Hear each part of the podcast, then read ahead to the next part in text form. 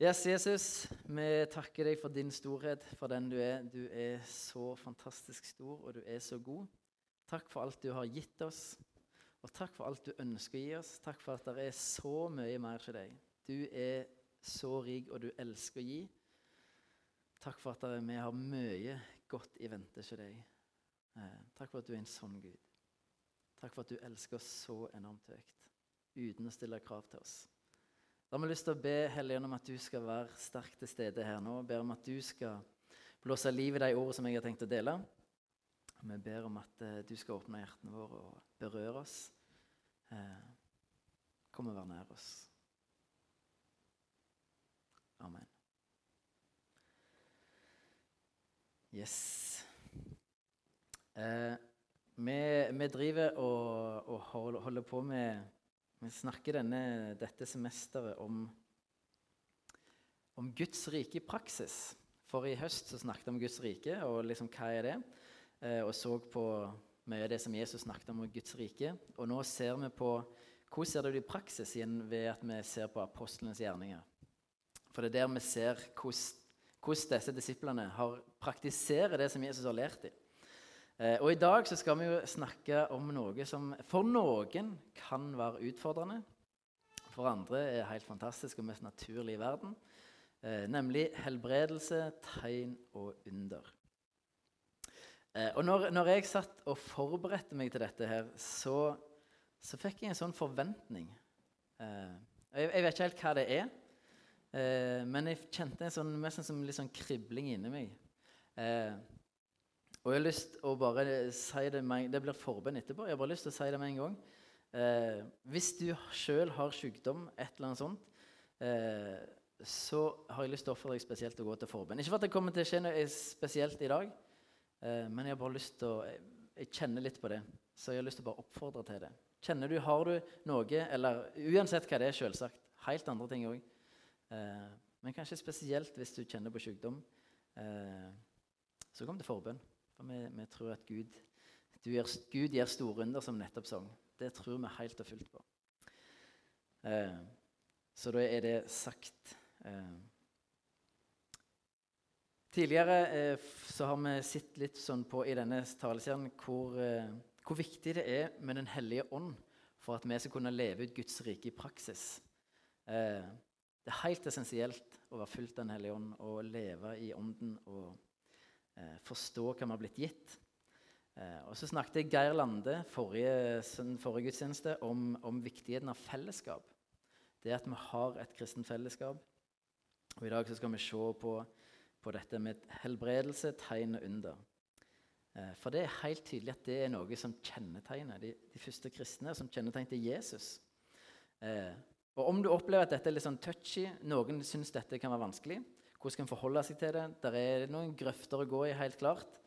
Eh, men det er òg en, en, en, vei som er fullt mulig å gå på her. Eh, så bare for å begynne med Jesus, for det tenker jeg det kan være litt sånn greit. Eh, jeg tror vi trenger å høre hva Jesus sier om dette her. Eh, så vi skal lese misjonsbefalingen sånn den står i Markus' evangelium. Eh, og der står det Og han sa til dem Gå ut i hele verden og forkynn evangeliet for alt som Gud har skapt. Den som tror og blir døpt, skal bli frelst. Men den som ikke tror, skal bli fordømt. Og disse tegnene skal følge dem som tror. I mitt navn skal de drive ut onde ånder. De skal tale nye tungemål, og de skal ta slanger i hendene. Om de drikker dødelig gift, skal, de, skal det ikke skade dem. Og når de legger hendene på syke, skal de bli friske. Så bare sånn, eh, la, eh, Helt fra starten av, i henhold til Jesus, så er helbredelse, tegn og under det er normalen mer enn unntaket. Det er det Jesus sier. Der, der, er vi nødt til å begynne. Der er vi nødt til å begynne. Det er mer rart om det ikke skjer tegn, helbredelser og under, enn at det skjer. Det, det, det er mer rart, ifølge Jesus, om det ikke skjer. Så det, det, Selv om vi kan synes dette er vanskelig eller utfordrende, så må vi ha det klart for oss. Eh, det er Bibelen, det er det Jesus sier, som vi må forholde oss til. Og så vet jeg at det fins teologier som sier at det var kun i apostlenes tid disse tingene skjedde, og nå er det avslutta. Nå, Nå har vi Bibelen, det er vel egentlig teologien sier, eh, så da trenger vi ikke disse gavene og sånn. Eh, jeg vet det finnes teologier. Det kan si at det er ganske tynne teologier. Det er mer en forsvarsmekanisme enn det er en teologi, vil jeg si. Eh, men la oss se litt hva som skjer i apostlenes gjerninger. Og det er ikke sånn at du må lete lenge i apostlenes gjerninger for å finne helbredelse, tegn eller under. Det er all over the place. Eh, men vi skal lese fra apostelgjerningen kapittel 5 og vers 12 og til 16. Og der står det Ved apostlenes hender ble mange tegn og under gjort i folket. Alle holdt trofast sammen i Salomos søylehall. Ingen våget, andre våget å slå seg sammen med dem, men folket satte dem høyt. Stadig flere trodde på Herren og ble lagt til dem, både menn og kvinner i stort antall. De bar også syke ut på gatene og la dem på senger og bårer, for at i det minste skyggen av Peter kunne falle på, på noen av dem når han gikk forbi. Det kom også mye folk fra byene rundt Jerusalem. De bar med seg syke og folk som var plaget av urene ånder, og alle ble helbredet. Det er ganske crazy. Dette er ganske crazy. Eh, det er, er, mange historier eh, i Apostelens gjerning om, om, om, eh, om, helbredelser, om tegn under. Dette er bare en oppsummering av det som skjedde helt i starten. Du kan lese senere om mange helbredelser, om demonutdrivelser, om folk som blir vekt opp fra de døde, om syner, drømmer og overnaturlige ting, eh, henrykkelser. Altså, det er helt Det er ganske mye sprøtt som skjer, og det skjer ofte. Det, I hvert fall sånn det framstår, så skjer dette ganske ofte. Eh, og Hvis du nå kjenner at dette er litt vanskelig å forholde seg til, så er det, det er på mange måter ikke så rart. Jeg har bare lyst til å si noe om det, for det, det kommer fra en plass at vi syns dette er rart. Eh, mange kristne, kanskje spesielt eh, i lutherske settinger, så syns dette er litt vanskelig. Og det, Hovedårsaken til at vi syns det er vanskelig, kan vi si med ett ord, og det er opplysningstida. Dere som kan litt historie, vet at den eh, Eh, det var ei tid på, fra 1700-tallet utover eh, der trua på vitenskap, trua på mennesket, den, en, ble, den vokste. altså Vitenskapen skjedde, der skjedde så mye. En fant ut av naturlover, en fant inn maskiner osv. Tenkte at det er ikke grenser for hva mennesker kan få til. Eh, trua, på mennesket ble så stor, og trua på vitenskap, at eh, det å tro på Bibelen sine beretninger, mirakel og sånne ting, det, nei, det var, ble overtro. Det ble eventyr, egentlig. Vi var kommet så langt at dette kan en ikke tro på. Eh, eh, og vår kultur og til dels teologi er mye mer preget av denne tankegangen enn vi er klar over og liker å tenke. Etter opplysningstida ble eh, mye av det som, ble, som er av overnaturlige ting i Bibelen, ble, ble nedtona av kristne for ikke å vekke anstøt. For trenden var jo at dette, dette er bare overtro. Så det viktige ble på en måte frelse, himmel og helvete kom mer i fokus. Det var det som var det viktigste. Og det som ikke var så viktig, det som var jordisk og hverdagslig, det ble mer nedtona. Eh, fokuset lå på livet etter døden og ikke livet før døden. Eh, det er liksom konsekvensen av, av, eh, av og nå, nå jeg forenkler jeg ting veldig, og det håper dere forstår. Det, der, er, der er mer til enn dette her, men satt litt sånn pinpointa litt, så er det det som ble en sånn drive. Eh, og Etter hvert så ble på en måte et manglende fokus på helbredelse, tegn under, ble en del av både kultur og teologi. Eh, heldigvis har det hele tida vært strømninger som mener noe annet, som har trodd på, på, dette her, og som har på en måte gjort det. Eh, men det var kanskje mer minoritet av noen mindre grupper. Eh, så kom Asusa Street-vekkelsen på begynnelsen av 1900-tallet, som ble starten på pinsebevegelsen.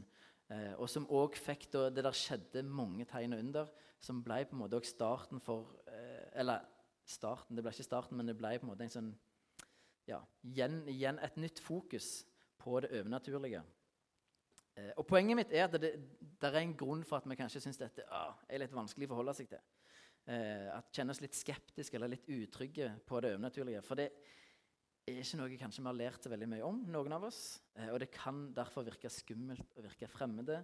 Eh, min bakgrunn er at det, dette må du sky som, dette må du passe deg for. Dette er mer svermerisk enn rett. Eh, jeg kommer fra en ganske konservativ bedehusbakgrunn. Eh, der mest ble advart mot at hvis disse tingene skjedde, så var det Det var skummelt. Eh, veldig rart, for det var de som kalte seg de mest bibeltrue, på en måte, men, men dette var skummelt. Men når vi leser Bibelen, så er det så mye som handler om det overnaturlige. Om Guds inngripen som bryter med naturlover. Det, er så mye av det, vi kan ikke la være å snakke om det. Det som Bibelen snakker mye om, det bør vi snakke mye om. Det som Bibelen snakker litt mindre om, kan vi heller snakke mindre om hvis vi ikke vet helt hos, hva det betyr, f.eks. Men hvordan skal vi forholde oss til helbredelse, til tegn og under? For det er jo ikke sånn at hver gang noen syke blir bedt for, så skjer det helbredelse. Noen ganger skjer det, noen ganger skjer det ikke. Hvordan skal vi forholde oss til det? For det kan være en vanskelig balanse. Og pga. at den balansen er vanskelig, så gjør noen at en bare dropper det helt. For det er det vanskelig å forholde seg til. Og Jeg skal ikke si at jeg har svaret på, på den balansen, men jeg, jeg, skal dele noe som jeg tror er viktig for å kanskje klare å ha en balanse i det. Eh, og da har jeg lyst til å ta ja, noe som Jesus sier, i forhold, ikke i forhold til dette, men sånn generelt. I Lukas 18, vers 17 så står det Sannelig, jeg sier dere, den som ikke tar imot Guds rike slik som et lite barn, skal ikke komme inn i det. Noe av det som kjennetegner et lite barn, er tilliten til mor og far. En barnslig tillit om at mor og far har full kontroll, og for dem så er alt mulig. Altså, Unger kan jo finne på å spørre om det mest utrolige. For de forventer tanken er at Mor og far kontrollerer verden. ikke sant? Det er det de vet. De har verden i sin hule hånd, og alt er mulig. Eh, og jeg tror vi trenger å være som barn når det gjelder dette med helbredelse og overnaturlige ting. At vi skal komme fram for vår pappa med en barnslig tillit om at alt er mulig for Gud. Og det, tror, det er jo det vi tror på. Det er jo det vi tror Gud eier verden. Han kan gjøre hva som helst, og han er vår pappa. Da bør vi ha en tillit til at yes, Gud, for deg så er alt mulig. Det er ikke bare noe vi, som vi, vi håper er sant. Vi tror det er sant, vi vet det er sant. Vi har en tillit til at dette er 100 sant. Eh, og om han sier nei til noen ting, så skal ikke det endre på tilliten vår til Gud. Det trenger det ikke gjøre. Det betyr at det er nei, at vi ikke får den. Timing, et eller annet, det kan være noe annet. Eh, men det skal ikke endre på tilliten vår. Og vi forstår ikke, sant, på en måte som mine unger ikke forstår hvorfor vi sier nei. Sant? Det er jo når vi sier nei, så forstår de ingenting. Eh, ikke sant? Men vi, jeg, meg og Lene vet mer hva som er best for dem enn jeg vet sjøl. Kanskje får de det seinere. Hvis, hvis, eh, hvis, en, en treåring spør om å få leke med kjøkkenkniven, så sier du nei. Det er ikke så veldig lurt. Kanskje når du blir tolv, kan du få lov til å begynne å eh, bruke den litt mer, men ikke nå. Eh, og vi må ha tillit til at Gud vet best. Tillit er super, super viktig. Eh, og vi må bare av og til bare hvile i at det er en del ting vi ikke forstår. Og det er ikke vårt bord å forstå alt heller. Vi er ikke Gud. Guds tanker er større enn våre tanker. Hans veier er annerledes enn våre veier. Eh, det må vi bare ha klart for oss. Derfor trenger vi å være som barn som bare hviler i det. Dette forstår vi ikke. Det er greit. Eh, så vi kan komme fram for Gud, og jeg tror vi skal komme fram for Gud med forventning og tillit til at alt kan skje og at samtidig at han vet best. Han har en timing i noen ting som vi ikke alltid forstår. Eh, og for meg og min familie så er dette er den realiteten som vi prøver å leve i. Noen av dere vet at uh, Lene Jeg har snakket med henne om dette, så jeg har lov å si det. Lene hun, hun har en del utfordringer med helse. Hun har kroniske smerter i både hode og nakke. Kronisk kvalme. Eh, og smerten tar omtrent alle krefter. Eh, og det er veldig krevende for henne å leve med. Eh, og det er ikke sånn hun ønsker å ha det i det hele tatt. Eh, og hvordan skal hun forholde seg til den tilstanden? Hvordan skal vi forholde oss til det? Eh, og vi lever i trua om at Gud kan helbrede. Absolutt kan Gud helbrede. Vi lever i tro på det. Eh, og, og, Lene blir ofte bedt for å gå ofte til forbønn for å tro på at Gud kan helbrede. Eh, og så har ikke Gud helbreda ennå. Eh, og det forstår ikke vi hvorfor. Har ikke peiling.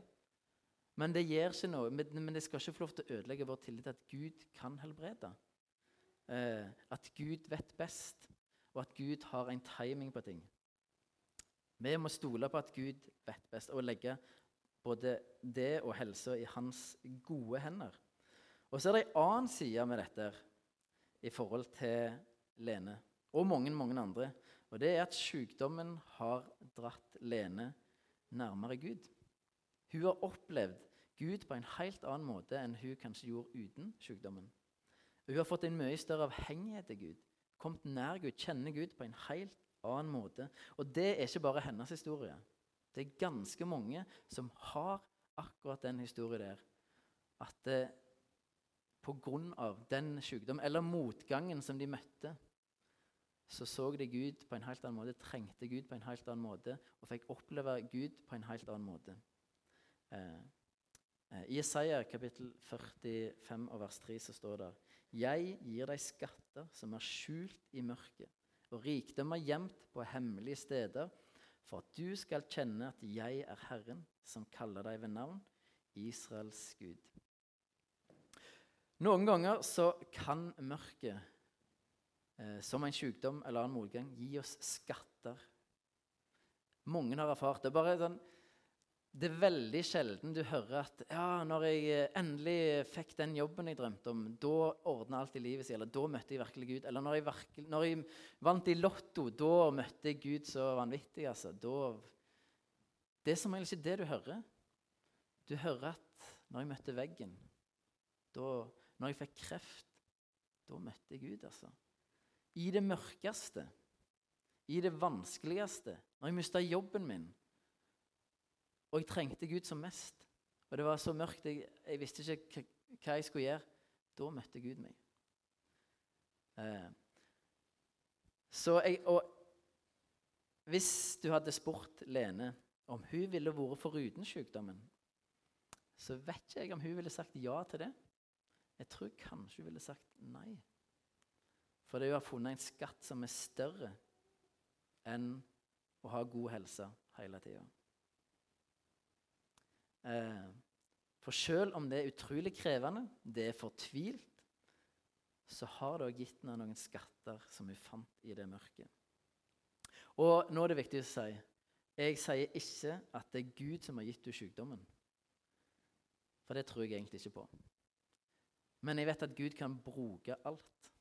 Og han kan bruke eh, sykdom, vonde ting, motgang, til noe godt til noe som var bedre enn å ha det bra hele tida. Det er faktisk noe som er bedre enn å ha det bra hele tida.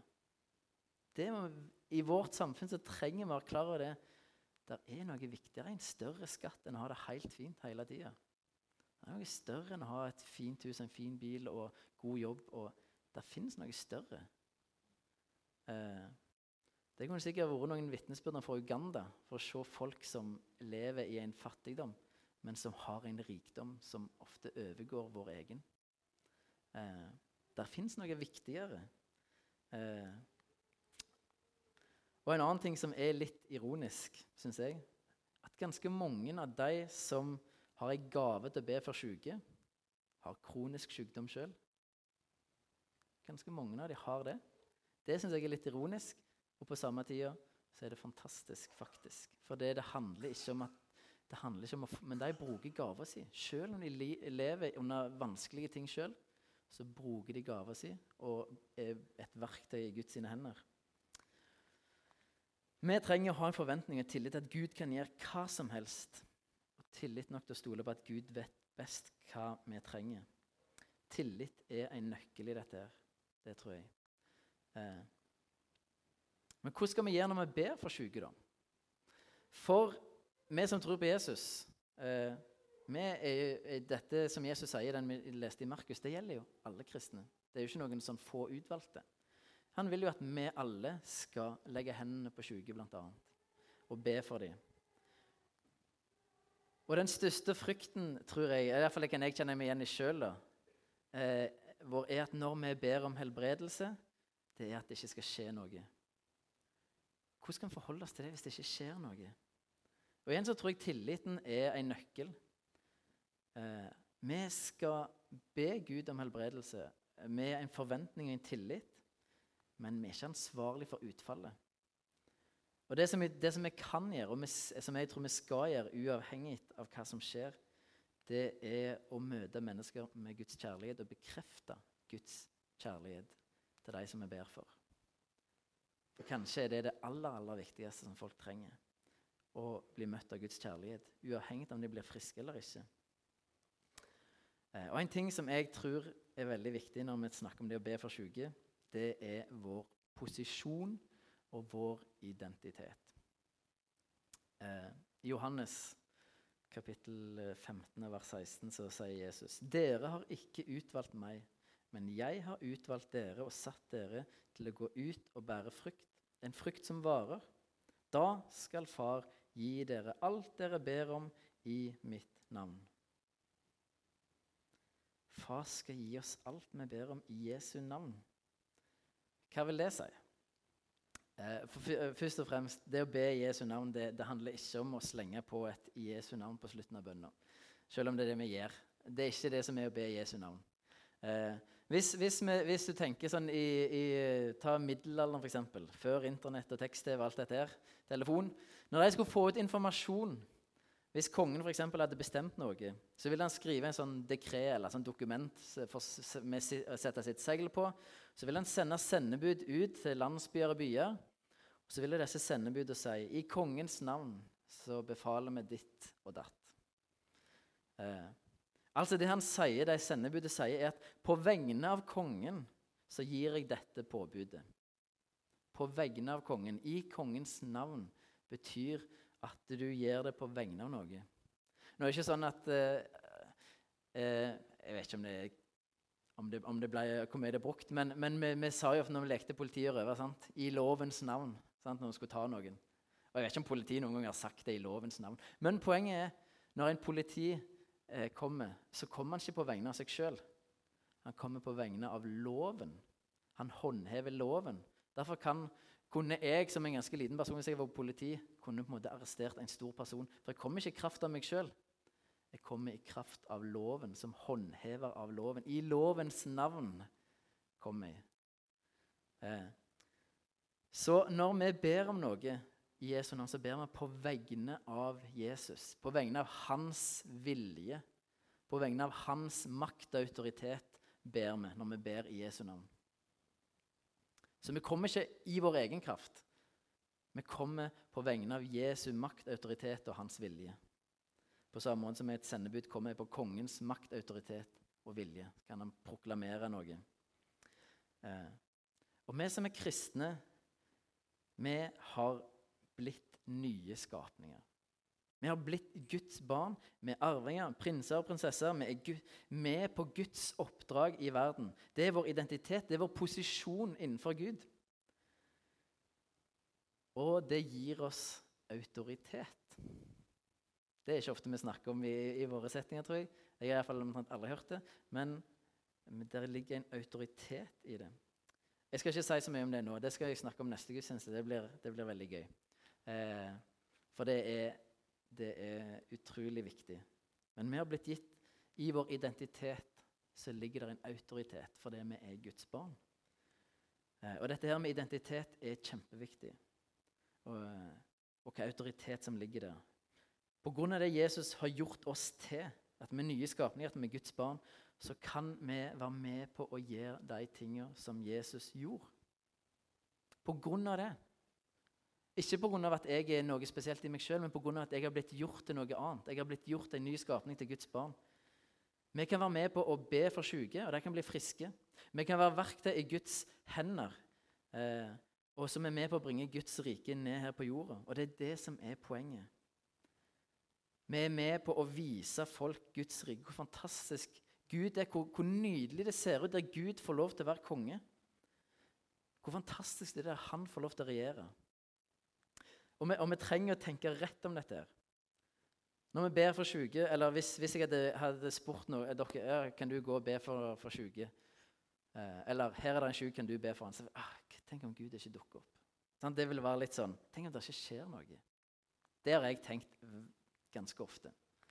Eh, og heldigvis har den tanken begynt å endre seg litt. For jeg tror, jeg tror vi trenger å endre innstilling til disse tingene her. Og leve i den nye identiteten som nye skapninger. For det å be for syke, det er ikke en plikt, det er ikke et strev. Det er vår fødselsrett. Det er vår fødselsrett. Når du ble født på ny, ble Guds barn Dette er noe som er gitt deg. For du går ikke i egen kraft. Du er blitt noe nytt. Jesus sier til meg at eh, dere skal gjøre større gjerninger enn det jeg har gjort. Dere skal gjøre større ting. Og I noen setninger så blir det vekkforklart at vi får lov til å lede folk til tro. Jeg tror det er en veldig smal Ja, det er stort, det òg. Det er fantastisk, det òg. Eh, men det, det, betyr ikke at vi skal ta vekk at det gjør større ting. Det betyr at vi skal få lov til å være med på å se store under skje. For det tror jeg vi skal. Helt og fullt. Altså Når du leser videre på kan du lese bl.a. om at folk tar svettedugene til Paulus altså, sånn, Han tørker svetten med det og legger det på sjuke og onde ånder de blir friske, onde ånder farer ut av dem. Helt sprøtt. Helt sprøtt.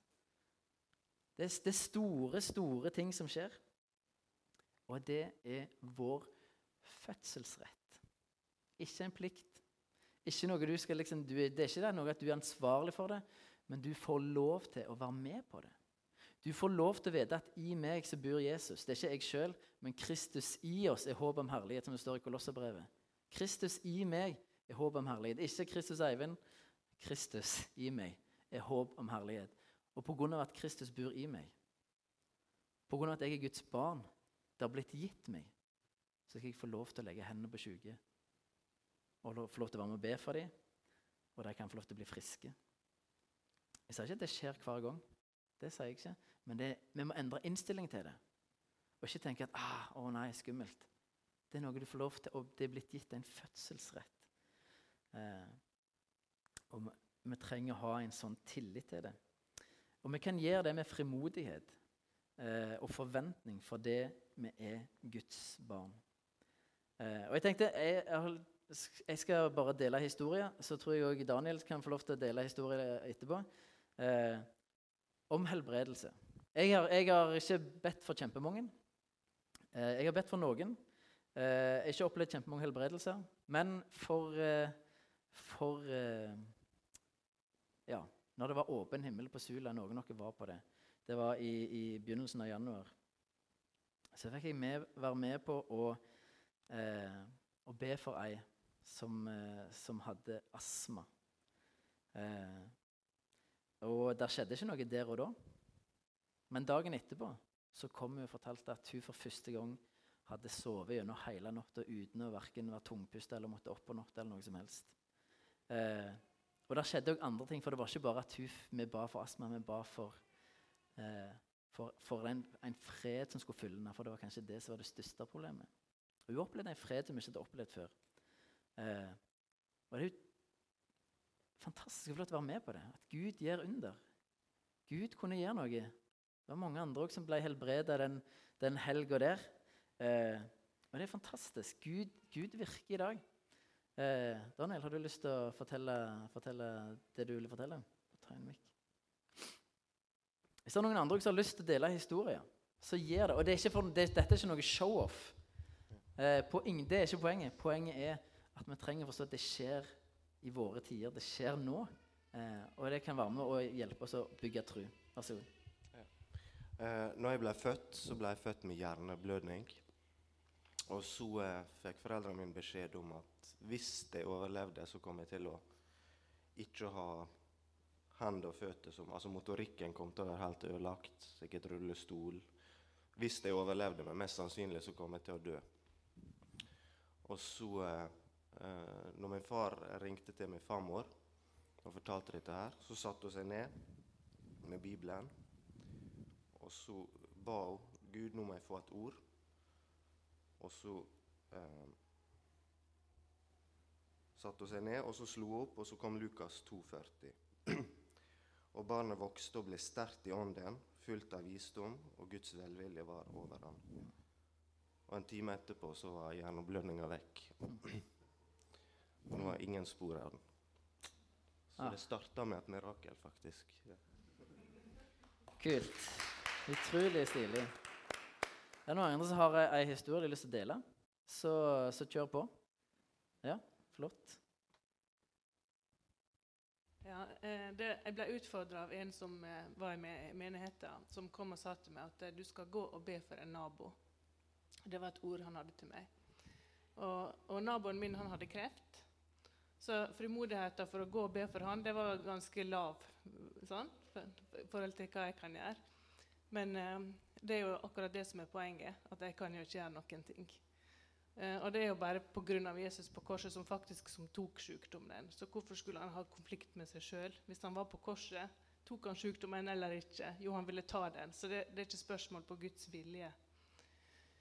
Så det var en lydighetshandling da, og tør faktisk å gå og, og skulle tilby seg å be.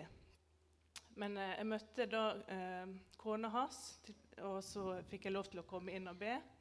Og mens jeg la handa på han, og, og, ganske med overbevisning om at denne sykdommen er ikke fra Gud, så den må vi ikke i Jesu navn, så kjente vi begge at det var noe som skjedde.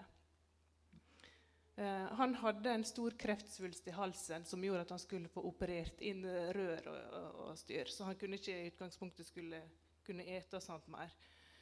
Eh, og var ganske plaga. Så gikk det tre måneder, og så kom han kjørende forbi huset. Han åpna opp eh, døra, han kjørte traktor da. Og så ropte han utover tunet. 'Maria, er du der?' 'Jeg må fortelle deg hva som er skjedd.' Kreftsvulsten er helt vekk. Operasjonen er kansellert. Og det var fri åpning her. Uh, og jeg bare ble, ble minnet på å dele den historien, men jeg kjenner egentlig at det, det å be for syke og ha mot til å gå, det handler egentlig om å vite hvem Gud er, ha sin karakter i det. Og det å posisjonere seg for å be for syke, det er på samme måte som å sole seg. Du kan ta imot solstrålene. Du kan ikke gjøre noe sjøl for at sola skal skine. Du kan stå og bare ta imot. Når det gjelder helbredelse, slappe av på at Gud vil. Um, for det er ofte så, det er når vi begynner å tvile med oss sjøl og begynner å styre og, og, på en måte prøve å finne ut av det, så tror jeg vi I hvert fall merker jeg sjøl at det hindrer meg i å gå på det som Gud vil. Ja, så all æren til Jesus. Nydelig, ass. Fantastisk. Eh, det er fantastisk å høre.